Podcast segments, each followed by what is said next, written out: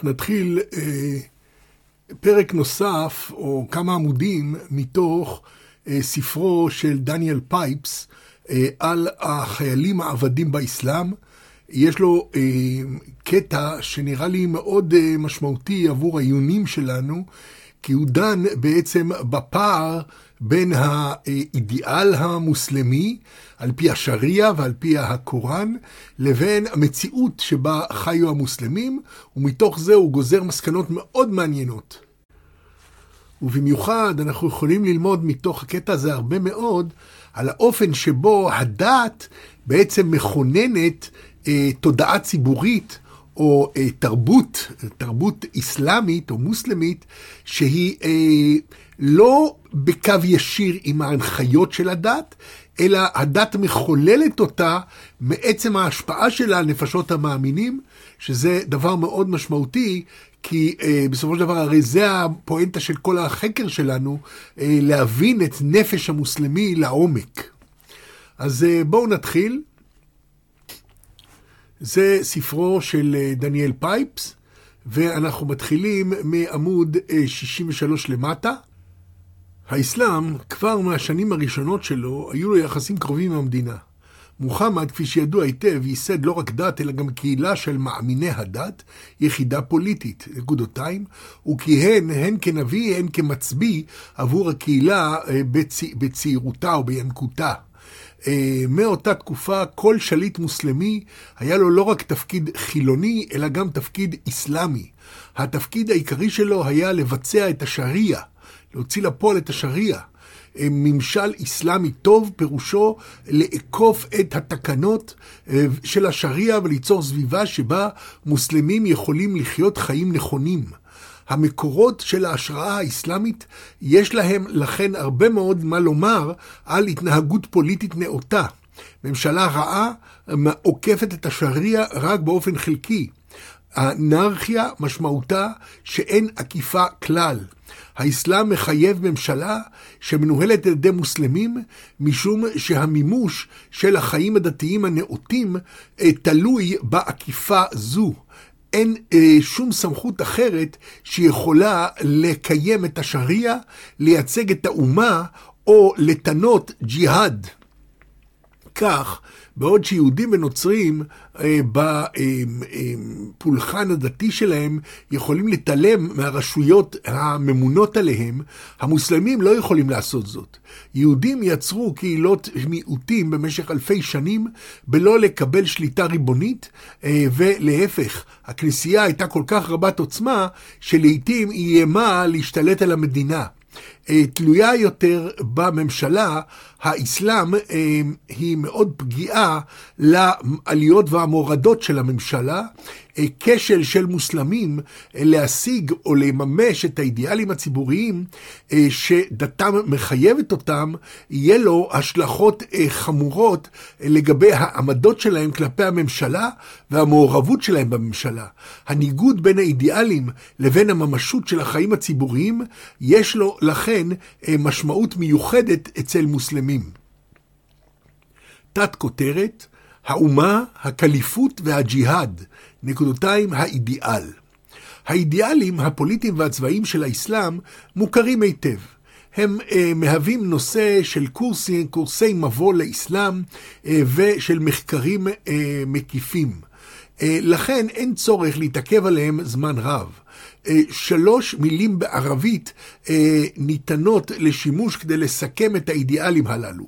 אומה, קליפות או חליפה וג'יהאד, אה, תוך התייחסות לקהילה של האסלאם, למנהיגות הפוליטית שלה וללוחמה שלה. האומה של האסלאם יצאה מתוך מדינה תחת מוחמד.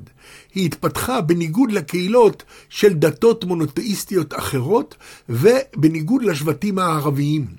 האומה המוסלמית, או אה, האומה האסלאמית, אה, נועדה אה, להפוך את המוסלמים הן לקהילה דתית כמו זו של היהודים והנוצרים והן ליחידה יחידה שבטית עילית או יחידת על-שבטית, שבה האסלאם מחליף את ההתקשרויות ואת הקרבה המבוססת על קרבת דם.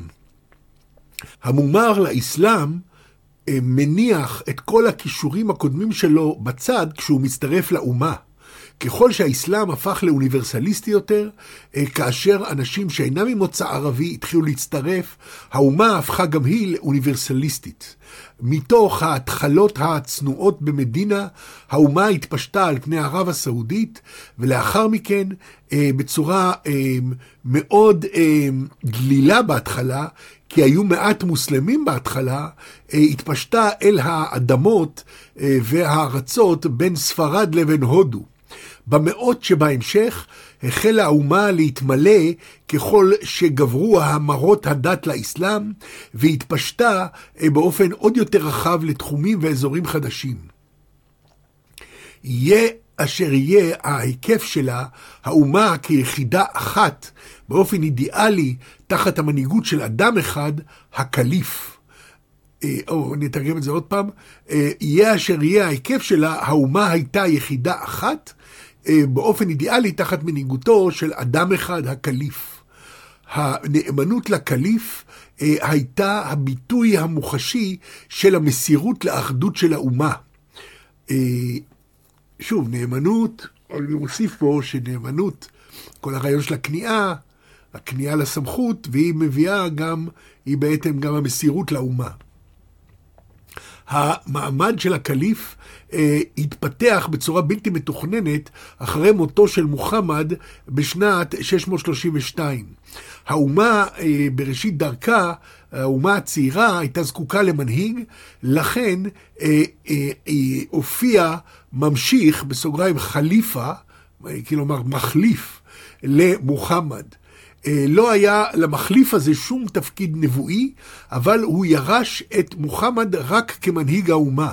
הקליף סימל את האחדות והכוח של הקהילה המוסלמית. אחדות האומה ושלטון הקליף, שניהם מצביעים על מאפיין שלישי של האידיאל האסלאמי, הג'יהאד, שזה פעולה צבאית המיועדת להגן על גבולות אה, ארצות בשליטת המוסלמים, או להרחיב את הגבולות של ארצות אלה. אידיאל זה יש לו שתי השלכות חשובות. ראשית, הוא מעודד, בנסיבות נאותות, תוקפנות כלפי לא מוסלמים כמימוש של עיקרון דתי. שנית, הוא מגביל את המלחמה בין מוסלמים, משום שאלימות חייב, חייבת אה, להיות מיושמת רק כדי אה, להרחיב את שלטון האסלאם. וכיצד אה, ניתן להרחיב אותו אה, לאזורים שמוסלמים כבר, אה, נמצ... כבר שולטים בהם. האידיאלים שיוצגו על ידי האומה, הקליפות והג'יהאד, משלימים אלו את אלו. הדוקטרינות האסלאמיות קוראות לאחדות פוליטית ולשלום בין המוסלמים. ההבדלים בין המאמינים אסור שהם יובילו למחלקות פוליטיות ובוודאי לא למלחמה. תת כותרת, האומה, הקליפות והג'יהאד, נקודותיים המציאות. עד עכשיו זה היה האידיאל, עכשיו המציאות. בניגוד להצהרות התיאורטיות של האידיאלים האסלאמיים, התפקיד הממשי שלהם בהיסטוריה עבר כמעט בלא שישימו לב אליו. הממלכות, השליטים והמלחמה בתקופה המוסלמית שלפני המודרנה היו שונים מאוד אלו מאלו באופן רחב על פני 1200 שנה ועל פני מספר יבשות. ממלכות היו אה, אה, בכל הטווח שבין אה, שושלות מקומיות ועד אימפריות אה, שחלשו על שטחים אדירים. שליטים אה, אה, נעו על הרצף מכובשים צבאיים ועד אה, מחיי הדת. הלוחמה נעה על הרצף מהתכתשויות בין שבטים ועד למצורים של שנים רבות. בתוך המגוון העצום הזה היה דפוס אחד בסיסי שניתן היה לראות אותו תמיד.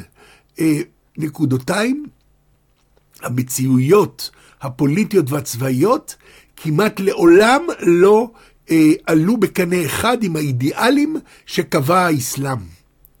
המסלול של ההיסטוריה של התרבות האסלאמית בפועל אה, משתווה בצורה עגומה מאוד לאידיאל של אומה מאוחדת תחת קליף המקיים ג'יהאד אה, נגד אה, אלו שאינם מוסלמים בלבד.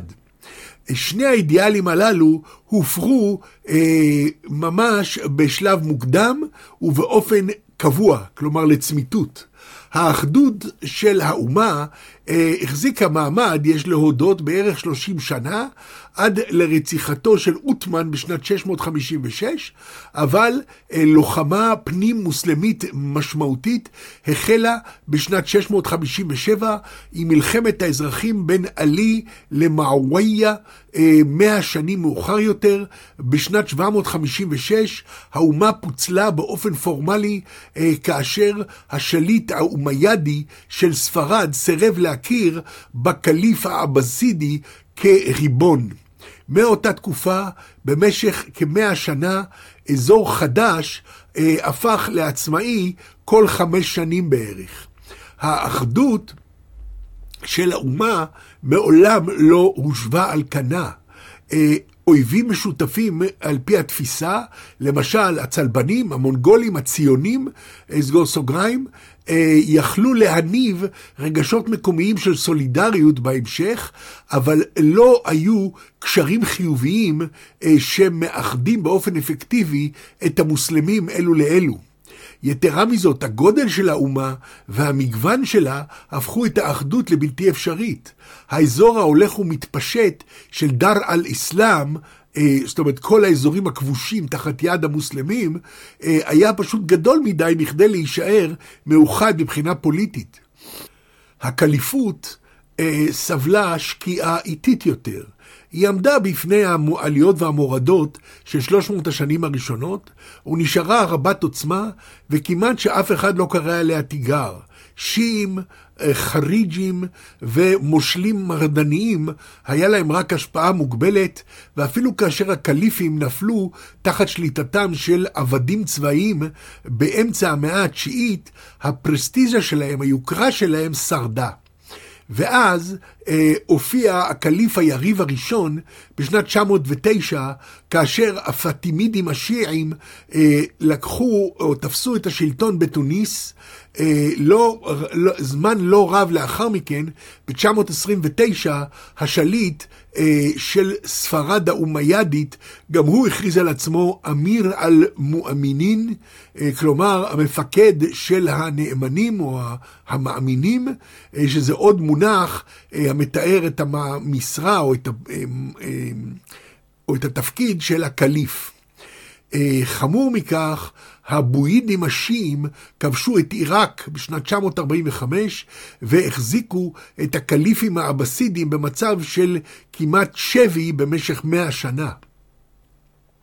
החל מתאריך זה ואילך, הקליפים הפכו לדמויות אה, אה, ראש, או רק לדמויות אה, ייצוגיות בלבד.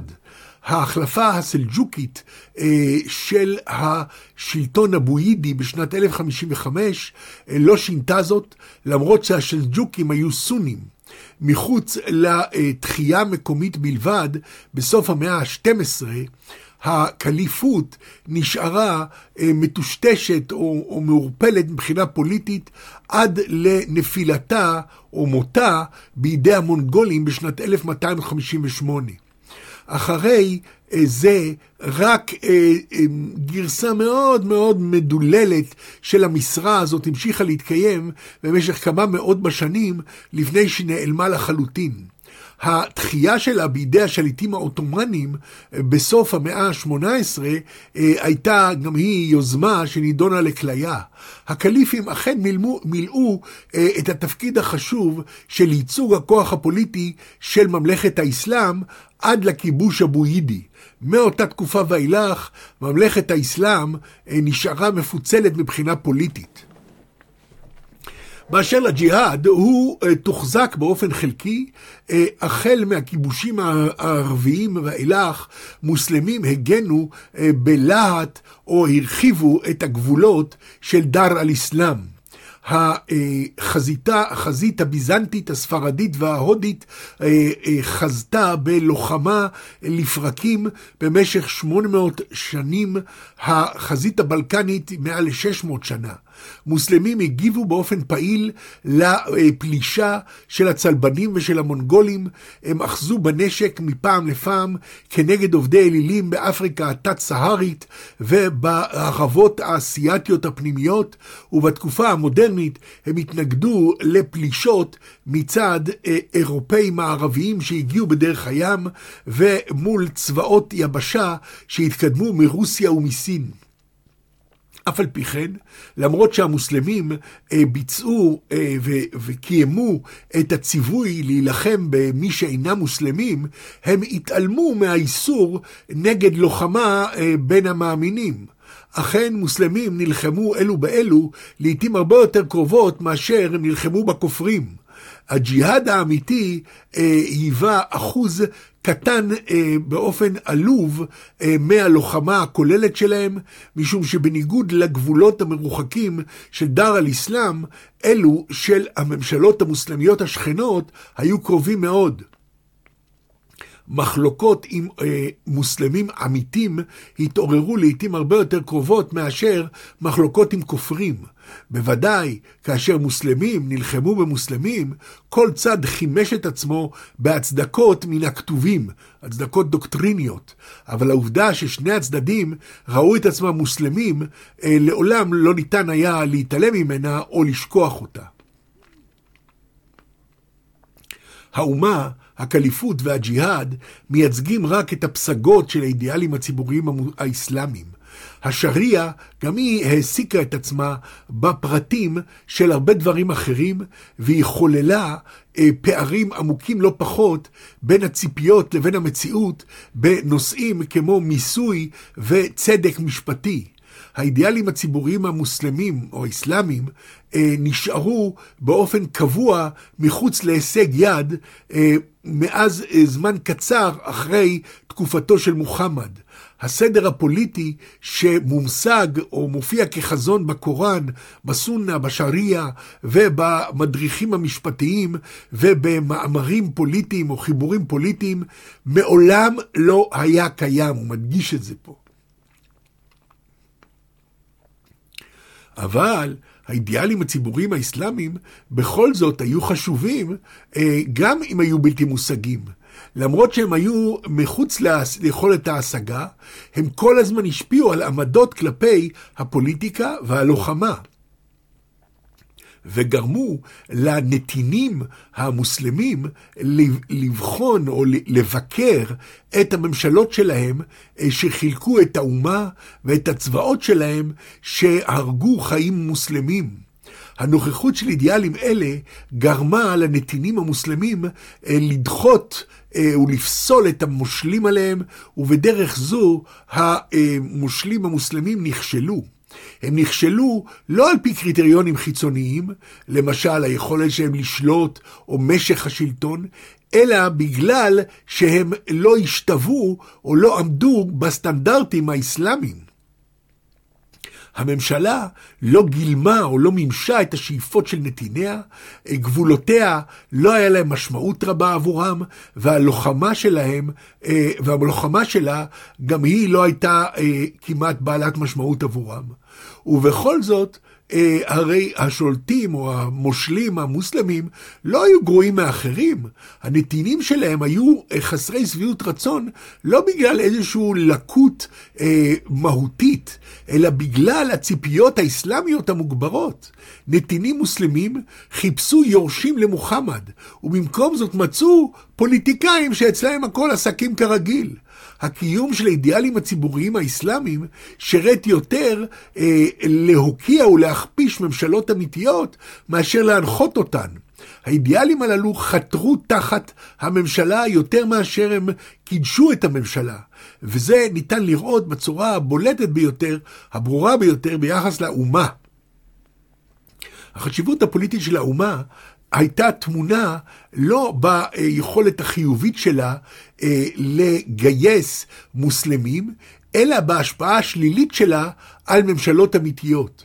האידיאל של האומה הפך את המציאות למשהו חולף ואומלל או עלוב. מוסלמים העדיפו את החזון של הקהילה המהוללת שלהם. הקיום של האידיאל של האומה אה, פעל כך להגביל את המשיכה של ממלכות קיימות. הוא מביא פה הערת שוליים, אה, דניאל פייפס, אה, שאני אקרא אותה. אה, והוא כותב, אני חייב לחזור ולהדגיש שזה לא דעתי שלי או השיפוט שלי ביחס לשליטים המוסלמים, אלא הבנה ביחס לאופן שבו חשו הנתינים שלהם. הקורא יכול אולי לציין שתי מקבילות מודרניות למצב כזה. אחד, ב-20 השנים שאחרי מלחמת העולם השנייה, אמריקאים לא הפסיקו לשמוע על המעלות של מדינתם ועל התפקיד האוהב והמיטיב שמדינתם מילאה בעולם.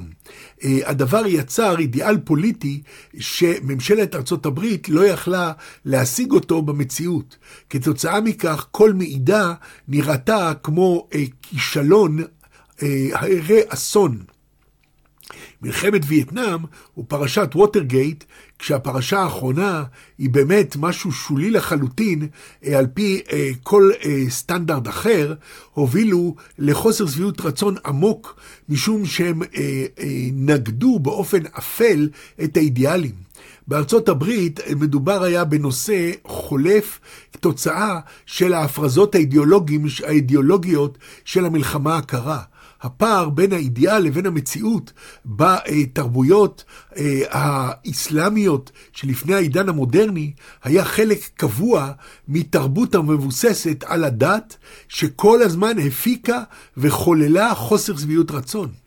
שתיים, אה, באמצעות אה, ההצגה של חזיונות אה, אה, מלאי זוהר, שלא ניתן להשיג אותם, אה, סרטים וטלוויזיה, ובמיוחד פרסומות, לעיתים קרובות משכנעים את הצופה שחייו שלו פגומים, ומשאירים אותו חסר שביעות רצון עם המציאות. טוב, אז הוא הביא לנו כמה דוגמאות, בואו נמשיך בעניין של האסלאם.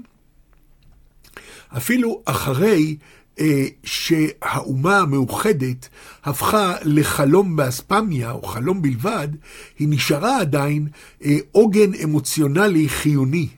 בלא קשר למחלקות אה, וההתחלקות לממלכות ולמלחמה ביניהם, הקהילה של האסלאם לא איבדה את משיכתה עבור העממים המוסלמים. הם ראו את המסירות לאומה כביטוי של נאמנות לאסלאם ועקרונותיה, והדאגה לטוטליות, לכלל המוסלמים, שזה היה לעיתים קרובות רעיון מעורפל למדי, אה, החליפה את הפטריוטיות המקומית. הנתינים המוסלמים הרגישו יותר חיבור או קשר לאומה מאשר לממשלותיהם שלהם. השלטון החולף, השרירותי, המקומי של איזשהו מלך אה, היה חיוור לנוכח האומה הקבועה, הנצחית, הגרנדיוזית והאוניברסלית. ככל שהאחדות של האומה השלטון של הקליף והמלחמה נגד כופרים בלבד הפכו כולם לבדיות אה, אדוקות, אה, או כן, pious fictions, לבדיות של, של אדוקים, האידיאלים האסלאמיים אה, הפכו לעוד יותר מבודדים מהחיים ומנותקים מהחיים. יש פה ציטוט, הממשלה של אללה והממשלה של הסולטן הלכו ונפרדו. החיים החברתיים והפוליטיים אה, אה, נחיו או נחוו בשני מישורים. במישור אחד אה, ניתן לומר אה, שהאירועים יש להם תוקף רוחני, אבל למעשה הם היו בלתי מציאותיים, בעוד שבמישור השני לא ניתן אי פעם אפילו אה, אה, לשאוף לתת להם תוקף. זה ציטוט מתוך גרינבאום, אסלאם בימי הביניים היה. אולם בלתי מציאותיים ככל שהיו, האידיאלים הציבוריים האסלאמיים המשיכו לשלוט בחשיבה המוסלמית. יש אין ספור דוגמאות המראות את הדבר הזה. העבדות הצבאית עצמה מדגישה את הנקודה הזאת היטב. המלומדים והתווכחו על הנקודות היותר דקות של השריעה, אבל לא הכירו בכלל, או לפחות לא הודו במוסד הזה שהיה בולט כל כך. פרט ליוצא דופן היחיד של ניזם אל-מילק, שסיפר, או אל-מולק, שסיפר, סיפק תיאור קצר, שמובא אה, פה בנספח 2 בספר, שום כותב אה, אה, שכתב, או שום סופר שכתב על הפוליטיקה, לא טרח לדון בעבדות הצבאית, וזה לעולם לא הופיע בשריעה. מאחר ולא היה שום מקום לחיילים העבדים בתיאוריה, לא היה להם שום מקום בתודעה המוסלמית, שנשארה מכוונת לאידיאלים האסלאמיים, והתרחקה מהמציאות הסותרת או המציאות המערערת. אבל הרי העולם אה, מלא בעובדות קשות, כיצד התמודדו איתם המוסלמים? תת כותרת, הנסיגה מהכוח. או הנסיגה מהשלטון. הנתינים המוסלמים הגיבו למציאות הבעייתית או המציקה בכך שהם נסוגו הן מהפוליטיקה והן מהמלחמה. הם נמנעו מהיישום, סליחה, הם נמנעו מהיעדר היישום הבוטה של היעדים האסלאמיים בתחום הציבורי, בכך שהם נסוגו לתחומים אחרים, שבהם הייתה לאסלאם הצלחה הרבה יותר גדולה. לא כל הנתינים המוסלמים נסוגו כמובן, אבל ככל שהיה קיים אה, דפוס של תרבות אסלאמית, דפוס אסלאמיקטי, האסלאם גרם למאמינים שלו לא להשתתף בענייני הציבור. כתוצאה מהטבע הבלתי מושג של האידיאלים הציבוריים האסלאמיים, הנתינים המוסלמים בעידן הפרה-מודרני ויתרו על הכוח הפוליטי והצבאי שלהם. באופן מעשי, משמעות הדבר הייתה שהנתינים המוסלמים הפנו עורף למוסדות הפוליטיים והצבאיים הדומיננטיים. הגישה הרווחת כלפי הכוח היא סקפטיות. אה, או כלפי השלטה, השלטון היא סקפטיות. האוכלוסייה נשארה מנותקת ממקבלי ההחלטות. חוסר הנטייה הנפוץ הזה לשתף פעולה בממשלה היה נכון במיוחד ביחס לאלה שלקחו את המסר האסלאמי בצורה הרצינית ביותר. האולמה או האול... כן, האולמות עשו את מיטב יכולתם להימנע מלשרת או לכהן כקאדים. יש כמה סופים שסרבו לגעת בכספים שהגיעו מהאמיר מתוך אה, הטענה שהם מייצגים רווחים, אה, אה, רווחים לא חוקיים. ויש פה ציטוט מתוך, מתוך מישהו, איזה קולסון שכתב על האולמה, אז הציטוט ככה, ובמאה ה-13 אה, משפטנים אמיצים במצרים הכריזו אה, על תפילה במסגד ליד בית קברות, אה, שאותו הקים הסולטן כמשהו ש... הוא אסור בגלל השיטות הבלתי אנושיות ששימשו במהלך בנייתו. התנגדות מרומזת דומת בויקוט אה, כלפי הממשלה התקיימה בחוגים אדוקים מסוימים של ה... אה, ימי הביניים האסלאמיים, כאשר כסף כלשהו שהגיע מהממשלה נחשב לאסור מבחינה דתית, או לנכס או רכוש שהוא אסור מבחינה דתית. יש אפילו דיווחים שיש אנשים אדוקים שחשבו שאסור לשתות מים מתעלה שחפרה הממשלה, או לקשור את צורכי הנעליים לאור מנורה השייכת לממשלה. אה, עד הנה הציטוט. המוניטין של הרשויות המוסלמיות שלא אה, שירתו את השליטים סבלו כתוצאה מכך. האמינות של אבו יוסוף, אה, שנת 798, המחבר של כיתב אל-חראג', אה, אה, אה, אה, עורערה או התערערה, התחילו להטיל בספק בגלל שהוא עבד עבור הממשלה. מספר אה, אה, כותבים אתיים ודתיים בולטים אה, של מספר, מספר כותבים מוסלמים אה, אתיים ודתיים בולטים, כמו אבו ליית' אז סמרקדי משנת 938, ואבו אל-חמיד אל-חזאלי, 1111, דנו בבעיות הכרוכות בהתמודדות עם שליטים. הכתבים בתרבות האסלאמית משקפים באופן רחב את הגישה הזאת כלפי הממשלה. יתרה מזאת, נתינים מוסלמים ושליטים כאחד הפנימו את הגישה הזאת והפכו אותה לדפוס הנורמטיבי של ההתנהגות. כולם הסכימו שנתינים מוסלמים לא צריכים להיות מעורבים בענייני ציבור. הנתינים המוסלמים אה, נמנעו מצבאות, פחות, אה, פחות מכך הם נמנעו מצ, מציי ים, אה, אבל הם נמנעו מצבאות אפילו יותר מאשר מממשלות וממנהלים. אה, כשהם שומעים שוב ושוב על אחדות האומה ועל החטא של לוחמה נגד מוסלמים אחרים, הם נשארו בחוץ כאשר, כפי שהיה המקרה בדרך כלל, האויב היה מוסלמי. סוגריים, החריגים כאן הם אותם מקרים שבהם מוסלמים נלחמו כדי להציל את חייהם שלהם. כתוצאה מכך, כמעט בכל מקום בממלכת האסלאם ובמשך כל התקופות הפרה-מודרניות, הנתינים המוסלמים לעיתים נדירות נלחמו בצבאות ששלטו עליהם והגנו עליהם. כמובן, מוסלמים כן תססו נגד הממשלה ששלטה בהם, מושלים אה, שאינם נאמנים, אה, איכרים מדוכאים, אה, שבטי מדבר פראיים והמוני עיר זועמים התמרדו מפעם לפעם. אבל אה, פרט למקרים שבהם היה איום מצד אלו שאינם מוסלמים, הנתינים הילידים אה, המקומיים של השליט כמעט מעולם לא עשו ניסיון אה, מתמשך לשלוט בממשלה שלהם עצמם.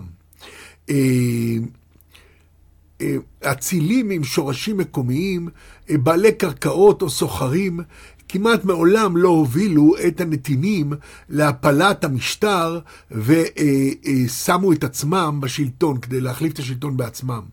ניסיונות נדירים לעשות זאת אה, אה, היו מובלים באופן משמעותי על ידי דמויות דתיות. אה, דפוס משותף נמצא בתרבויות קדם מודרניות אחרות שקימאו, אה, אה, סליחה, אה, דפוס נפוץ הנמצא בתרבויות פרה-מודרניות אחרות, כמעט לעולם אינו קיים באסלאם. אנשים אה, ילידים אה, שממונים על ממשלותיהם שלהם עצמם ומאיישים את צבאותיהם שלהם. זה כמעט לא היה קיים באסלאם.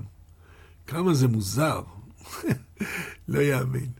כאשר אה, אלו שאינם מוסלמים איימו, הכל השתנה. סכנה לשריעה או לדר אל-אסלאם, משמעותה הייתה שיש להגן על האסלאם, ובנסיבות אלה הנתינים המוסלמים לעתים קרובות הפכו לפעילים יותר. בתקופות האסלאמיות המוקדמות, לפני שרבים מבין העממים שנכבשו המירו את דתם, המוסלמים חשו שהם נמצאים בסכנה והשתתפו באופן יותר פעיל במלחמות. כך גם אה, ג'יהאד תוקפני עורר את המוסלמים למלחמה. המצעדים או הצעדות המרכזיות של ממלכת האסלאם, ספרד, אנטוליה אה, והבלקנים והודו, מפגינים או מדגימים נקודה זו בצורה חיה מאוד, כפי שניתן לראות גם באזורים כמו מערב אפריקה ומרכז אסיה. כאשר הם ניצבו מול אויבים נוצרים, הינדואיסטים, בודהיסטים או אנימיסטים, הנתינים המוסלמים הגיבו בצורה טובה לצורך אה, של השליטים שלהם בכוח אדם צבאי. באופן דומה, האימפריאליזם האירופי, הסיני והיפני גייס אותם בזמנים מודרניים. ויותר לאחרונה, הנוכחות של ארה"ב באיראן עורר תגובה מוסלמית אטביסט, עוררה תגובה מוסלמית אטביסטית, כאשר נתינים מוסלמים נלחמו, הם בדרך כלל אה, ראו איום מצד אלו שאינם מוסלמים. אבל כאשר ממשלה אה, שמרה על השריעה בצורה סבירה וסילקה או החזיקה אה, את הכופרים רחוק מהמדינה, הם אה, התרחקו מהצבאות ונטו לטפל בגינה הפרטית שלהם. כך, במקום חיים ציבוריים, נתינים מוסלמים בזמנים רגילים התמקדו בעניינים אישיים. הם התעניינו בעיקר בקיום חיים טובים, והרבה פחות התעניינו במי מנהל את החיים האלה. אה, מעורבות אינטנסיבית במשפחה, בקהילה ובדת היו העקרונות והאידיאלים, סליחה, אה, ומעורבות אינטנסיבית בקהילה, במשפחה ובדת, ששם אה, ניתן היה לעיתים קרובות כן לממש את העקרונות והאידיאלים של האסלאם, הם תפסו את המקום של פוליטיקה, של, של, של פוליטיקה עוצמתית ושל מלחמה. אה, אנשים שהתעניינו אה, לחיות בצורה צד... של... לחיות כצדיקים, לחיות באופן צדיקי או צודק, righteous זה הצדיק, כן? אה, אנשים שהתעניינו בחיים של צ... ש... לא אומר צדקה או צדק, אלא צדיקי... חיי צדיקות. אנשים שהתעניינו בחיי צדיקות היטיבו להגביל את הפעילויות שלהם לעניינים פרטיים. הכישורים נטו להיות או בקנה מידה קטן או אסלאמיים. אה, התקבצויות בקנה מידה קטן אה, הם חברות של פנים אל פנים, שבו כולם כמעט מכירים את כל אחד אחר, והם בדרך כלל מבוססים או על קרבה אה, פיזית או על יחסי קרבה משפחתית. באזורים כפריים של ממלכת האסלאם היה מקום בולט לכפרים ושבטים. באזורים עירוניים לרובעים ולהתאחדויות של אחים או אחוות, כמו למשל מועדוני נוער, גילדות של מסחר ואפילו כנופיות פשע. אלה היה להם את החשיבות הגדולה ביותר. בכל מקום המשפחה תפסה את המקום הראשון, אה, אולם כמרכז העליון של החיים המוסלמים. וזו נקודה מאוד משמעותית, מאוד מעניינת פה. אה, שנחזור אליה, אני מקווה, בשיחות בהמשך, באמת לראות את ההיררכיה הפנימית אה, של החיים אה, של האסלאם, ובמיוחד אה, אני מתעניין לבדוק איך חיים, איך, איך חיים בחמאס, חיי המשפחה בחמאס, חיי המשפחה בגדה המערבית, חיי המשפחה אצל החיזבאללה, איך זה בנוי, איך ההיררכיה שם, האם המתחים האלה קיימים שם, כשיש מיקוד כל כך חזק בנו, כאויב אולטימטיבי של האסלאם. אה, זה מאוד מעניין, כי, כי בעצם אה, דרכנו הם יכולים כן לממש פעילות פוליטית ומדינית וצבאית, אה, וכפי שאנחנו רואים פה, זה גם הנטייה ההיסטורית של האסלאם למצוא אויב. זאת אומרת, כשיש אויב שהוא אה, לא מוסלמי, אז אה, המוסלמים נלחמים בחפץ לב, כי הם מרגישים שהם מממשים בזאת את האידיאלים הדתיים שלהם. טוב, אני ממשיך עם דניאל, אה, עם דניאל פייפס.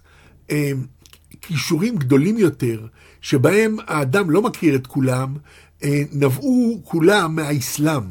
אלה היו בעיקר שתיים, המדהב והטריקה. המדהבים הייתה מערכת של אה, משפט, שלעיתים קרובות אה, תרגמו אותם כבתי ספר למשפט או אסכולות משפטיות, שהתפתחו לכדי מוסדות חברתיים. כל מדהב אה, קיבל על עצמו לתרגם את התקנות של הקוראן והחדית' למבנה משפטי שלם. הם התפתחו מתוך קבוצות מחקר או קבוצות לימוד מוקדמות של מלומדים, ועד למאה ה-11 כמעט כל המוסלמים הסונים כבר היה להם אה, אה, allegiance, נאמנות, היה להם נאמנות לאיזשהו מדהב, וקבוצות שיעיות וחריג'יות, היה לכל אחד מהם גם את המדהבים שלהם. אה, באופן מפתיע, ההשתייכויות המשפטיות האלה, שהתארגנו באופן בלתי פורמלי, הפכו לכלים של ביטוי פופולרי בתקופה שבין השלטון של אלממון לבין הכיבוש הבוידי, שזה בין שנת 820 לבין אה, שנת אה, 950. וזאת בדרך כלל כתוצאה מהפרקטיקה של מדהב אחד, החנבלי, של ארגון האנשים הפשוטים, העם, לקבוצות המסורות להגנת עקרונות האסכולה. המדהמים האחרים נראה שהם באו בעקבות החנבלים והיה להם, גם הם אה, עברו תמורה דומה במערכות המשפט שלהם שהפכו לתנועות פופולריות או תנועות עממיות אה, אמיתיות. באותו זמן הם התפשטו גיאוגרפית וכל אחת מהן הפכה לדומיננטית יותר באזורים מסוימים. הטריקה שזה מסדרים סופים או אחוות סופיות, התפתחו מהמאה ה-12 והקבילו לארגון של המדהב ברמה יותר רגשית ומיסטית, למרות שהחשיבה הסופית התקיימה הרבה זמן כבר קודם לכן, המסדרים אורגנו תחילה רק במאה ה-12. הטריקות היו שונות מאוד אחת מן השנייה, בין אזור לאזור, אה, אולם תמיד הם סיפקו אה, הקשר רגשי וחברתי שאפשר הבעה של רגשות דתיים אינטנסיביים, קשרים חזקים בין החברים של אותה אחווה הפכו, או סליחה, תרמו תרומה משמעותית לסדר החברתי. הם הציעו תחושה של אחדות רוחנית אה, שהמוסדות הפוליטיים הכושלים לא יכלו לספק. עבור מרבית המוסלמים, הטריקות מילאו תפקיד חברתי הרבה יותר גדול מאשר סוכנות ממשלתית כלשהי. באופן דומה, האליטות הדתיות, המאסטרים של הסופי, הפירס והאולמות, בדרך כלל החליפו את השליט כמקור הסמכות והיוקרה עבור המוסלמי העירוני הממוצע. בגלל שהמבנה הפוליטי נמצא מעבר לעיסוקים הרגילים של הנתינים המוסלמים, הסטטוס הדתי היה לו יותר משמעות מאשר הכוח הפוליטי או הצבאי. האליטות הללו סיפקו הדרכה יומיומית עבור האוכלוסייה וגם שימשו כמתווכים בין נתינים מוסלמים והשליטים שלהם. הם היו מקומיים והם היו שייכים לילידים. ההתקשרויות השונות הללו, אה, בקנה מידה קטן, אה, והאסלאמיות, היה להם תכונה אחת משותפת, תכונה אחת מרכזית משותפת. לאף אחת מהם לא היה כוחות כפייה. הם לא יכלו להטיל מס, לא יכלו לגייס צבאות, אף לא יכלו לתבוע מונופול על אלימות. כמה מהם אה, מפעם לפעם היו מגייסים על בקנה מידה מקומי, אבל אף אחד מהם לא, יכול היה, לא יכלו לערער, או לא יכול היה לערער על השליטים. הם ספגו את האנרגיות שבמובן אחר או באופן אחר אולי היו עוברות אל הפוליטיקה. כלומר, זה במקום פוליטיקה, מין חיים רוחניים דתיים כאלה. הטענה הנפוצה שהאסלאם אינו מבחין בין הדת לבין הפוליטיקה היא טענה נכונה, אבל באופן פרדוקסלי, בכך שהיא חובקת את הפוליטיקה והמלחמה, ובכך שהיא הופכת אותם למרכזית לחיים האסלאמיים, האסלאם מסירה אותם מחייהם של מרבית המוסלמים. איזה אמירה, איזה משפט. בואו נקרא את זה עוד פעם.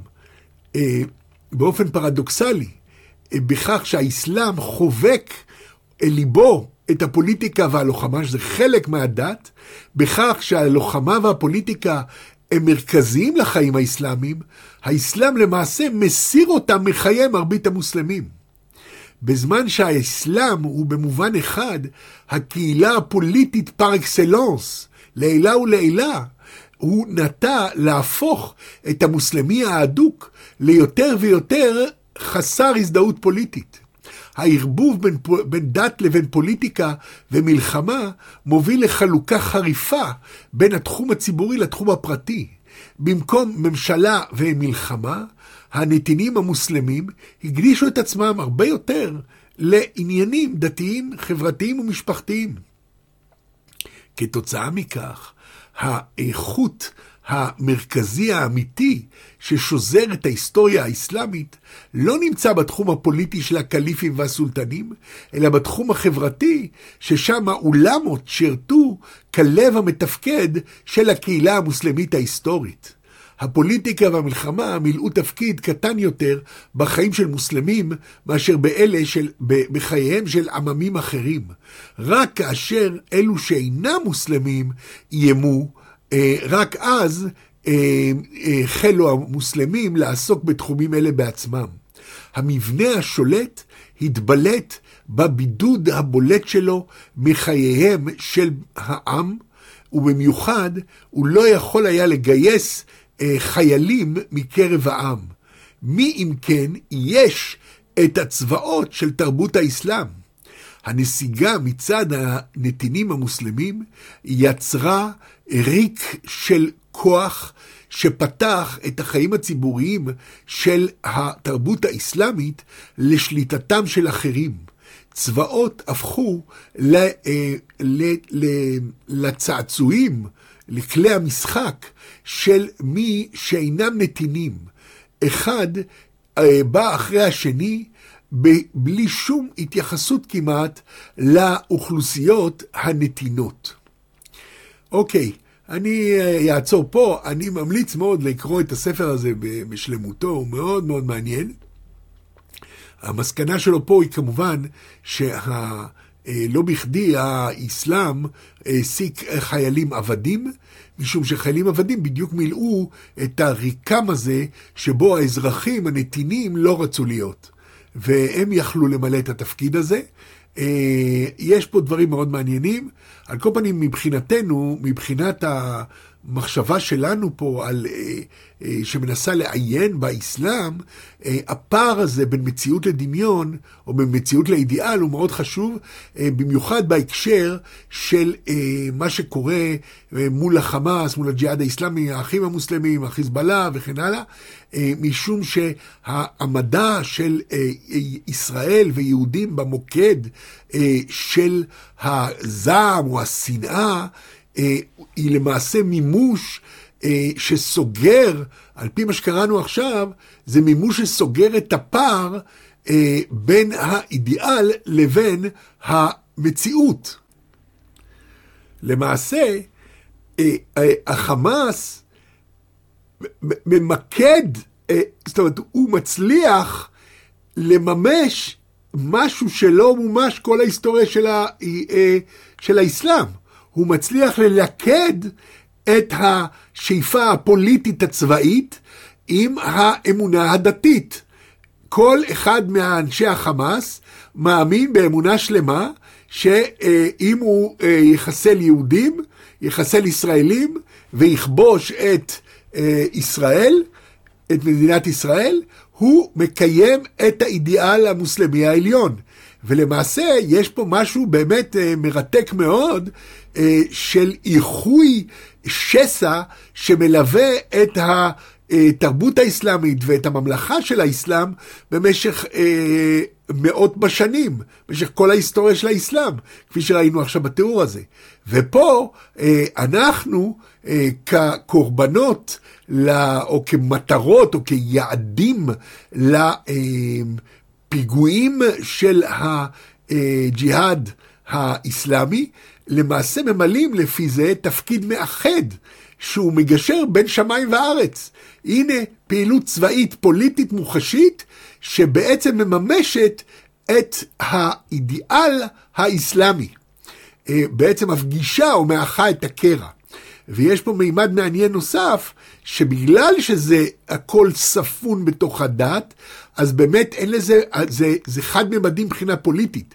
זה, דיבר על זה הרבה בין החמאס, מוסא ביוסף, הוא דיבר על זה שבעצם אין, אין פוליטיקה, אין פוליטיקה אה, בחמאס אין להם בעצם אזרחות, הם לא מתעסקים בממדים הפוליטיים של לבנות חברה אזרחית על מוסדותיה ותפקודיה. כי, כי לכתחילה, עכשיו אנחנו מבינים מדניאל פייפס, שלכתחילה מבחינה היסטורית יש פער שלא מאפשר בעצם אה, למוסלמי להיות שותף בפוליטיקה, אבל הפער הזה מגושר על ידינו. כלומר, המלחמה נגד הישות היהודית, השנאה ליהודים, היא בעצם מאפשרת לגשר או לסגור את השסע הזה בין האידיאל לבין המציאות מבחינת הצד של האסלאם, כי המלחמה בנו מקיימת ומממשת את, את האסלאם מבחינתם, באופן מלא. ג'יהאד, גם ג'יהאד, גם לוחמה, גם פוליטיקה, הכל מכוון לאותו דבר, ואנחנו ממלאים את החסר הזה.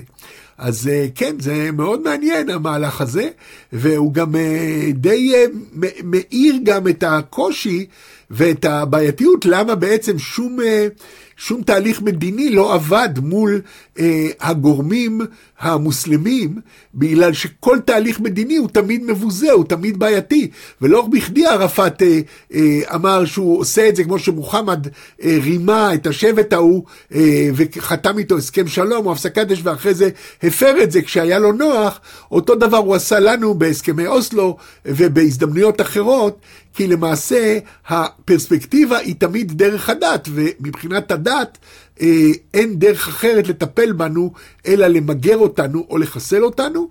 אה, שוב, זה גם מעניין, המהלך הזה, וכן, אה, אז הנה, אנחנו זוכים לאחד, אחדות, אחדות האומה, האומה המוסלמית, בזכות קיומנו באזור, בזכות זה שאנחנו יהודים שחיים בארץ ישראל.